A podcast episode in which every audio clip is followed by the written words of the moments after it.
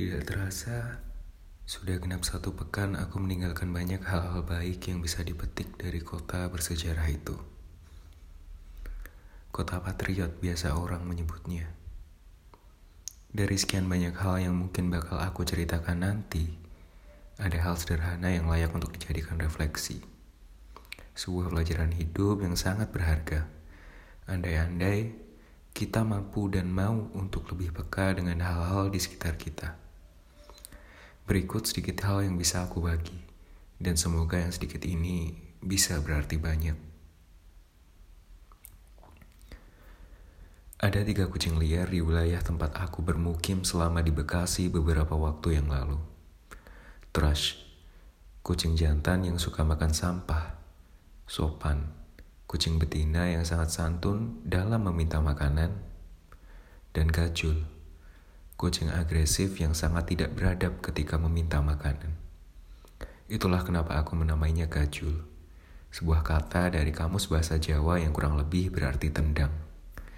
Iya, karena setiap kali melihat keberadaannya, aku selalu memendam niat untuk menendangnya.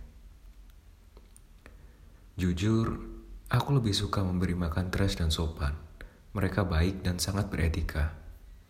Setidaknya dilihat dari kacamataku. Bagaimana dengan gajul? Kucing biadab itu selalu aku anak tirikan. Walaupun dialah yang paling sering mengeong di depan pintu kayu yang selalu tertutup itu.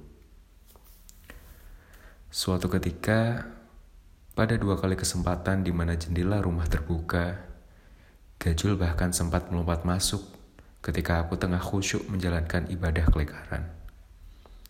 Kejadian itu jelas menambah ketidaksukaanku kepada Gajul si agresif. Bahkan sempat terbesit untuk aku karuni saja makhluk ini, kemudian aku lepas liarkan di jalan pantura arah Karawang yang teramat berpolusi itu. Biar saja, siapa peduli. Namun, bukan tak sampai hati niatan itu tidak aku tunaikan. Hanya tidak aku jumpai karung dan kebetulan rasa malas yang berlebih tengah menggerogoti raga ini untuk mengurusi makhluk tak beradab itu. Singkat cerita, pada suatu malam selepas aku dan kawanku pergi mencari angin, aku jumpai tiga serangkai itu tengah duduk santai di depan halaman rumah kami. Pastinya menanti kami pulang untuk diberi makan. Sesampainya di bibir pintu dan kubunyikan kaleng biskuit berisi pakan kering bermerek Meo itu, diiringi niatan untuk mengesampingkan gajul, suara dari dalam tiba-tiba menyeruak. Dan janganlah kebencianmu terhadap suatu kaum menjadikan kamu berlaku tidak adil. Begitu bilang suara. Aku pun seketika jadi teramat iba pada gajul dan merasa bersalah sejadi-jadinya. Kubagikan sama rata porsi makan malam kepada tiga hewan liar itu. Melihat betapa lahap mereka menyantap makanan mereka, iblis dalam diri menggemakan kata-kata agitatifnya. Tapi binatang satu ini memang layak untuk diberlakukan kasar. Aku pun tak menggubrisnya. Barang siapa tidak sanggup bersabar terhadap buruknya akhlak orang lain, maka itu menunjukkan betapa buruk akhlak orang itu. Bisik suara dari dalam mendamaikan. Pada akhirnya, rembulan pun tampak di mata si aku. Sorot matanya yang tajam seketika menjadi teduh dan sayu. Ia sadar karena betapapun ia coba menolak keburukan dengan keburukan. Nyatanya, tidak akan ada di antara keduanya yang dimenangkan. Si aku pun tersenyum kecil.